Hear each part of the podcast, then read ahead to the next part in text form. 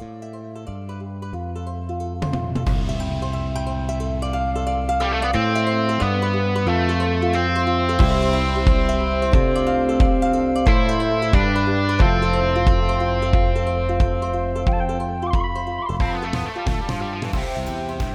ett flertal tillfällen det senaste året har jag fått förslag gör ett program om Cocoon Meeting.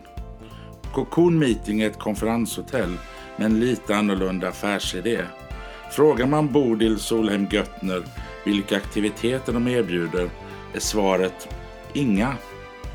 Det är väl en halvsanning, men det förklarar anledningen till varför man bokar in sig på Cocoon Meeting.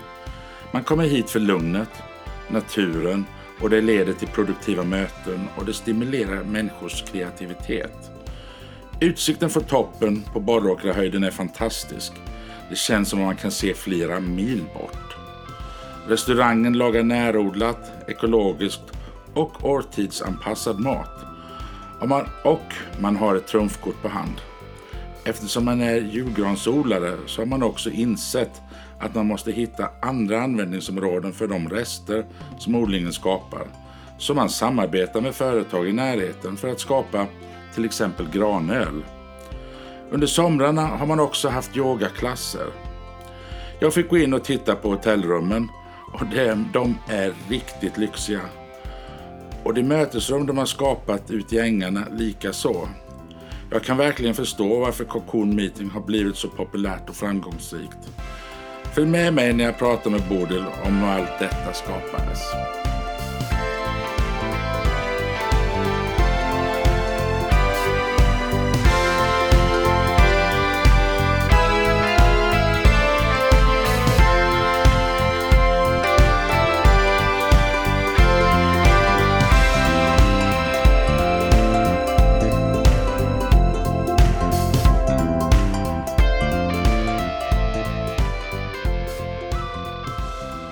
Jag är på Cocoon Meeting i Backåkra, Borråkra, några kilometer utanför Degeberga och sitter här med Bodil som har skapat och grundat och äger Cocoon Meeting med sin man. Eh, när jag hör ordet cocoon så tänker jag på filmen med samma namn. Men vad fick er att använda det namnet? Ja du, det är en ehm, då får vi ta en liten återblick till ja. Eh, början här. Ja. För det, det, är så här, vi odlar julgranar. Så min man och jag har ju Sveriges största julgransodlingsföretag. Eh, med ganska många granar. Och eh, då är ju vårt varulager, det finns ju i mark så att det står julgranar på marken. Och då behövde vi utöka och vi hittade den här gården för att plantera julgranar. Eh, det vi inte hade någon plan eller tanke för det var vad ska vi göra av alla dessa byggnader som finns här? Det hade vi ingen tanke på. Och eh, så plötsligt så hittade vi då en, en gammal gråstenskällare kan man säga med gråstensvalv. Och då tänkte vi liksom bara wow, här kan man göra någonting fantastiskt utav det. Så vi hade hit en kompis som eh, som är arkitekt och han sa att eh, alltså, här vill man bara puppa in sig i en kokong. Och eh, jag började tänka eh, företagsmässigt hur ska man kunna göra, utveckla och återkoppla till en gammal bransch som jag tidigare har jobbat i. Och då pratade jag hela tiden, för det är ju en fantastisk utsikt här och mycket natur. Och jag pratar om mötesplatser i naturen hela tiden. Och så bollade jag med en som jobbar med marknadsföring som lyssnade liksom hur jag pratar om kokonkänsla och kokong och så översatte han det då till kokon meetings och eh, en mötesplats i kokonger kan man väl säga. Och, för jag, jag tänk, har hela tiden tänkt på möten mellan människor. Så på den vägen är det. Och när man då har varit i en kokong då åker man ju härifrån som en fjäril. Ja. Först är man i puppan och sen så åker man här som en fjäril full av vackra kreativa idéer som man kan ta med sig hem. Det finns väldigt mycket utrymme om man tittar ut där. Ja. Att, att flyga runt i som fjäril. Jajamän. Hur snabbt efter att ni köpte gården kom idén att skapa ett konferenscenter? Um, ganska snabbt egentligen. Eh, men det var ju, eh, vi köpte 2010 och sen så eh, var det väl 11, 12 där som började prata med lite banker och satte idéerna och affärsplaner och budgetar och allt det här. Men då tänkte ju jag att här får man tänka stort för jag börjar bli så gammal så jag får liksom ta på mig en större kostym och tänka som en man och få det att hända någonting, att man gör det som en stor dragplåster. Då. Men just på den tiden så trodde man ju att världen skulle gå under ungefär och projektet var kanske lite, kostymen var för stor. Så att vi fick ju backa bandet och bara liksom tänka, jaha, ska vi strunta i allt nu eller ska vi hitta en annan väg? Så att eh, då tog vi en annan väg så började vi renovera husen som fanns istället för att bygga nytt. Då. Fanns alla de här byggnaderna som vi ser idag? Ja, det gjorde de faktiskt. Det gjorde de? Ja, vi har byggt till lite grann en vinkel här och där. Men du kan säga att det är ju, allt är ju nytt så det är ju lite mer jobb än att bygga nytt för du får ju riva först och anpassa. Men det är två bostadshus till exempel där? Ja, det, det svarta där borta det var eh, bostaden som, som bonden som bodde här eh, använde. Då. Ja. Och det andra det var bara förråd. Så det var den gamla bostaden för det har ju funnits en Skånegård här från början. Ja, ja. Du vet, varje generation bygger om och till som man själv vill. Så, så blir det. Mm. Du, när ni köpte, ni köpte ju gården för att odla julgranar. Jajamän. Och jag hör ryktas om att hade det inte varit för er så hade det inte funnits kungsgranar. kan du berätta lite om den historien? Det, det, var ju ett roligt sätt att vinkla det på. Så är det givetvis. Nej, men det, det, roliga är ju att eh, min man han är ju jägmästare och ja. skogsman då, så att eh, han har ju varit i branschen i väldigt, väldigt många år. Och på, ja, nu vet jag inte riktigt, det är kanske 30 år sedan så jobbade han i det statliga Domänverket. Eh, men de, och de hade börjat plantera kungsgranar och det fanns ju i Europa. Men det var ju något helt nytt här och då ville man via någon ingång till kungahuset så ville man då eh, försöka introducera de här granarna till, till kungen och drottningen. Då. Så att när de hade fått upp kungsgranar i, i sån här halvstorlek så gjorde de eh, besök på slottet och pressrelease och hela köret och överräckte då två små fina granar till, det var till prinsen och prinsessan som fanns då. Och eh, då var det en, en, gran som var fin nog för kungahuset. Så det är bara i Sverige det heter kungsgran. Vad heter det utanför Sverige? Eh, det heter ädelgran i Danmark och Norge eller, eller kungs eller nor, nordmantanne i Tyskland. Ja. Ja. Men när, när är det här alltså efter 2010 då? Nej, det var, det var 30 år sedan. Det är 30 år sedan, ja. Just det. Så det är ju ganska länge sedan. Ja. Mm. Förutom att odla julgranar så har jag förstått att ni utvecklar även andra produkter som är smaksatta av granskott här. Ja, det har ju blivit en liten parallell resa med, med själva projektet Kokon. Då. Mm. Eh, för det är ju hur man sköter julgranar, det bestämmer man ju själv och vi har valt en, en skötsel som är intensiv och det innebär att ja, det är lite som en lantbrukare fast man gör det på träd. Alltså du måste liksom sköta för att det ska bli en skörd om 8-10 år. Det är inte två, två om året men det är om 8-10 år så blir det skörd. Och däribland ett moment så är det ju just då knoppa granarna. Att man tar de här nya fina skotten och eh, det, granskott har ju varit känt sedan gammalt att det är väldigt C-vitaminrikt. Mm. Eh, och, eh, Gott. Gott kan det vara. Alltså det är lite citrus, Nordens citrus kan man väl kalla det. Ja. Lite, så lite friskt. Så då tänkte vi vi måste ju kunna göra någonting på de här granskotten så vi bara slänger på marken. Ja. Så då testade vi med ett sånt här gräsrotfinansierat projekt. Så tog vi fram lite olika ölsorter och så blev det en öl och så har det blivit en gin och sen när vi har fått det här kokonprojektet så har det blivit att vi använder granskott i maten så vi gör en fantastisk granskottspesto bland annat. Och lite annat smått och gott så. Så det, det hänger ju lite ihop med, med, att, med det här med mat och dryck som vi behöver här. Men kan, vi, kan, man, hit, kan man köpa det någonstans? Alltså, eh, eller finns det, det finns här men det finns inte, jag kan inte åka till ICA och köpa granskottspesto idag va? Inte idag, nej. Vi får väl se. Kanske man kan utveckla det också. det, är en helt annan bransch att gå in i livsmedelsproduktion. Ja, Ja, Men ölen kan man ju absolut beställa Ja. på Systembolaget. Det är Österlenbryggarna som gör den. Ja, kul. Vi får väl skriva ner sen kanske på hemsidan beställningsnummer och sånt där på den för de som lyssnar. Ja, just det. Just det. Mm. Ja, det är roligt. Det är en ljuslager och eh, väldigt många tjejer faktiskt har sagt nej men jag brukar inte tycka om öl men den här var god. Ja. Så det, jag vet inte. Jag har hört talas om något blindtest på öl. Ja. Faktiskt. Det Där eh, de ölen som tjejer inte tror att de gillar när de ser den är de som de gillar bäst när de inte ser den. Ja, vad roligt. Har du, någon, har du någon forskning på det? Ja, ja, ja. Fast jag vet inte var. Jag, jag, det här är något som jag, jag läste rätt länge sedan. Men... Ja. Eh, ni bokar in företag oftast för, för eh, eh, konferenser. Här. Vad vill ni att de ska uppleva hos er?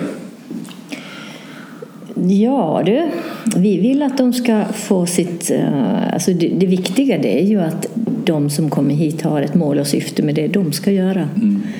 Eh, Och sen vill ju vi att de ska få gjort det jobbet, att de aldrig ska behöva fundera på allt det här praktiska. Det är ju tanken att vi ska sköta det. Då. Ja. Eh, Och eh, sen är det det här eh, obeskrivliga som är så svårt att beskriva innan. Det är den här känslan som man får när man kommer hit. Eh, Och det har jag bollat med marknadsförare, med alla möjliga i tio år nu. Liksom, hur ska man säga det innan? Liksom? Ja. Och oavsett om folk har fått det beskrivet muntligt eller sett bilder eller vad det nu är.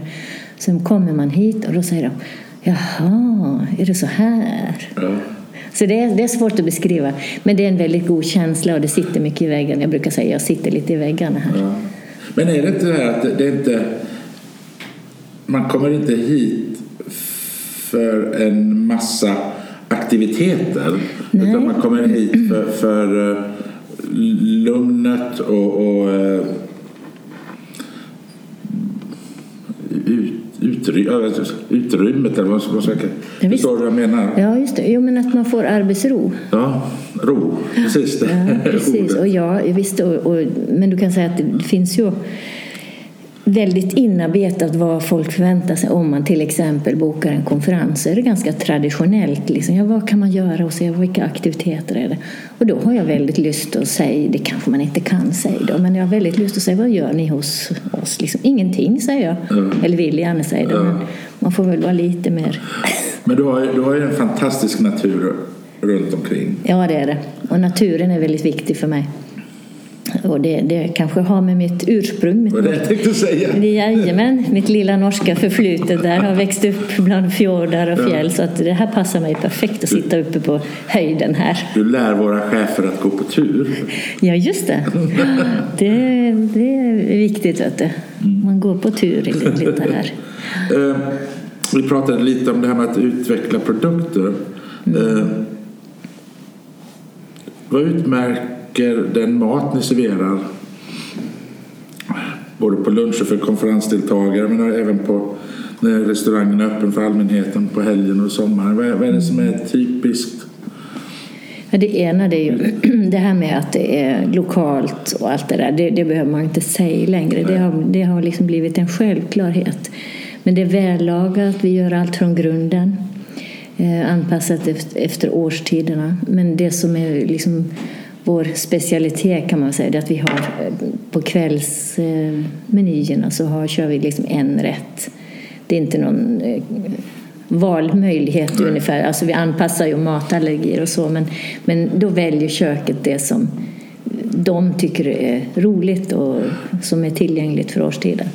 Och sen så kan man liksom bara luta sig tillbaka. Man behöver inte göra så mycket mer än det. Liksom. Nej. Så blir man serverad. Ni har ju haft lite andra aktiviteter här på sommaren också. Även om det är lugnet som, som är det huvudsakliga så har ni haft yoga bland annat. Mm. Det har varit himla roligt. Det har det verkligen. Jag kan tänka dig man står fram på kullen här och har yoga på sommaren. Ja. Det är fantastisk utsikt. Ja, det är det. Men ni hade olika typ, typer av yoga om jag förstod rätt. Ni hade flera stycken. Då har vi haft, eh, ja, i fyra år har vi kört det här. Men, så då är det fem olika väldigt duktiga instruktörer. Ja. Och fem veckor och fem dagar i veckan. Så det är fem, fem, fem vi har kört med då. Men är det hela sommaren i så fall? Fem veckor. Fem veckor, ja. Ja, som det har varit. Så att, eh, det har kommit eh, mycket från alltså, lokala folk också som inte bor här. Men, men eh, idén från början var att det skulle vara ett erbjudande även för de som bor. Ja, Men det är klart, det regnar det så ligger man hellre kvar i sängen än att gå ut och ställa sig med yoga kanske. ja, jag gör nog precis nästan allting utan att testa yoga. Jag, jag var bjuden på till, till gymmet vi var på eh, och skulle vara med i yoga. Och så finns det, min kropp är inte byggd för det om man säger så. Inte min heller. Jag, jag hade instruktören skrattade som inte kunde leda klassen och jag kände mig som uh, klumpigaste människan på jordklotet. Sen dess har inte jag testat yoga. Ja, just det. Nej, det gäller väl bara att testa tillräckligt många gånger. Och så finns det så många olika sorter. Ja, visst gör det. Ja. Ja. Jag har inte hittat någon för fetknoppar än så att Inte? nej, jag ska leta reda på. Ja, just det. Det tror jag. Jag tror det är, eh, det är lite, alltså lite... Man tror att det är så hurtigt med yoga, men det, är, det behöver ju inte vara det. Nej, men det var två saker. Det ena var att du ska komma in i din yoga-andning. Ja. Och, och, och jag huffade och puffade och svetten sprutade överallt. Och sen skulle man gå in i något som heter Svanen, om jag inte missminner mig. Och, och då ska man upp med hela kroppen så här och vila på huvudet och axlarna. Och jag gungade och jag gungade och jag kom ju ingen vart. Och det var då alla började gapskratta åt mig. Så. Så dess har inte jag Vad testat. roligt. Du, eh, jag frågade om glamping. Ja. Ni hade ju glamping i somras. Ni har haft det några år eller? Det har vi haft några år, ja. Mm. Eh, Men eh, du kan säga att det är väl egentligen mer kokoning. Ja, Eh, Så att det är ju ett... Du vet, jag pratade om den här jordkällan, så, eller stenkällan. Så att vi, vi bygg, det var ju första vi gjorde nästan, att vi renoverade upp den. Så blev det en liksom, möteslokal som ligger i naturen. Och sen så byggde vi upp en till som ligger ute i naturen också. Och de har vi ju då på vår höst, vinter, vårprodukt som ett mötesrum. ja. Men så tänkte då, och så fråga folk vad är det för någonting i den här kokon och kan vi få se en? Och, och då stod de ju tomma för det är ju ingen, ingen eh, mötesverksamhet på sommaren. Så då kom vi på att nej, men vi kanske kan göra sovrum av det här och så blir det lite primitivt men lyxigt eh, och det är helt fantastiskt. Så att, eh, Ligger den, när, ligger, ligger den på gården? ja, eller det- man får liksom gå 150 Ja, meter. det så Sen med lite enklare toalettförhållanden och så. så. Men mitt i naturen. I år är ju första året man har kunnat prata om eh, Alltså, corona fick ju en impact för, för väldigt många människor. Mm. Eh, hur, hur, har det, hur har det drabbat er? Och, och, och hur, vad är det som... Kan man komma hit oannonserat till exempel under, under höst? Alltså, du har inte öppet för restaurang om du inte är bokad konferensmedlem vanliga veckodagar vad jag förstår. Men är det öppet på helgerna för... Ja, vi har öppet eh, sista helgen varje månad. Så det, det är ju det här med, med corona. Jag tycker det har varit lite, det är på gott och ont. Det onda är ju liksom tre månader med eh, noll omsättning. Eh, Det är ju inte så roligt. Eh, Och den osäkerhet och allt som är liksom inför sommaren och hur ska det gå och vad ska vi göra och med personal och alltihopa. Det var, det, hin- man hinner tänka många tankar om man säger så. Och sen smällde det ju till och man fick jätte, jättemycket att göra under sommaren. Men i alla fall hela den här processen har ju gjort att, eh, att eh, jag funderat lite på vad är det vi egentligen ska hålla på med och vad, hur vill vi prioritera. Så vi har öppet hela året men förbokade grupper. Och det kan vara privat eller jobb. Eller yogagrupp eller alltså vad som helst. Men vi har faciliteterna och sen så eh, fyller folk det med det de vill ha, det innehåll man vill ha. Ja. Ehm, Så, så då håller vi oss till för privatpersoner. Men när vi, i och med att vi är på landet så förbokar ju alla om man bara vill komma på ett restaurangbesök. Precis. Eh, sådana saker som konst, konstrunder och sånt, det kommer öppet till våren. Ja, Jag vet inte riktigt faktiskt.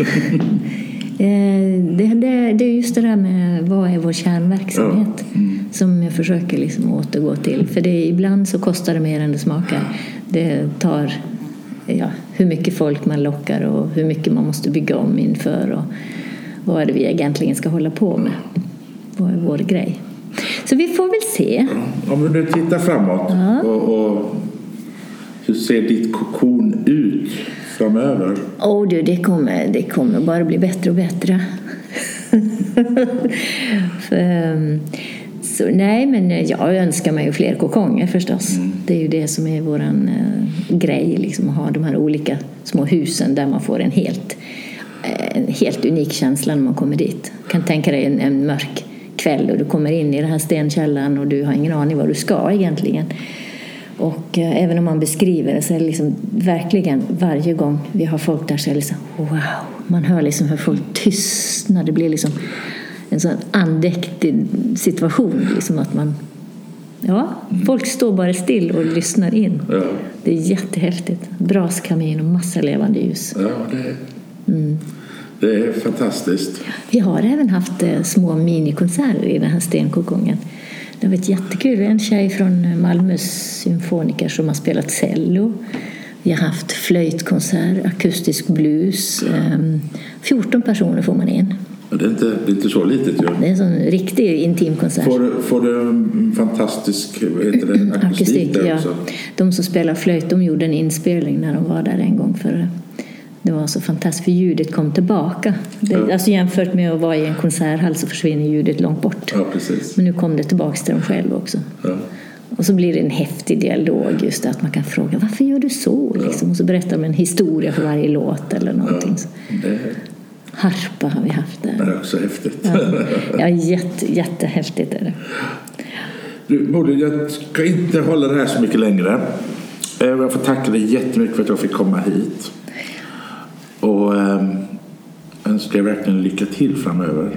Tack så mycket. Jätteroligt att ha dig här.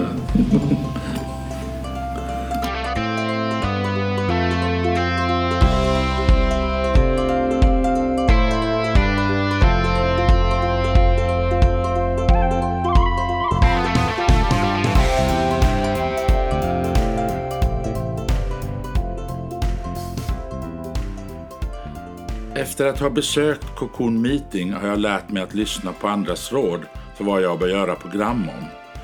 Jag hade bara sett skylten på vägen in till Degeberga men inte registrerat mer än så.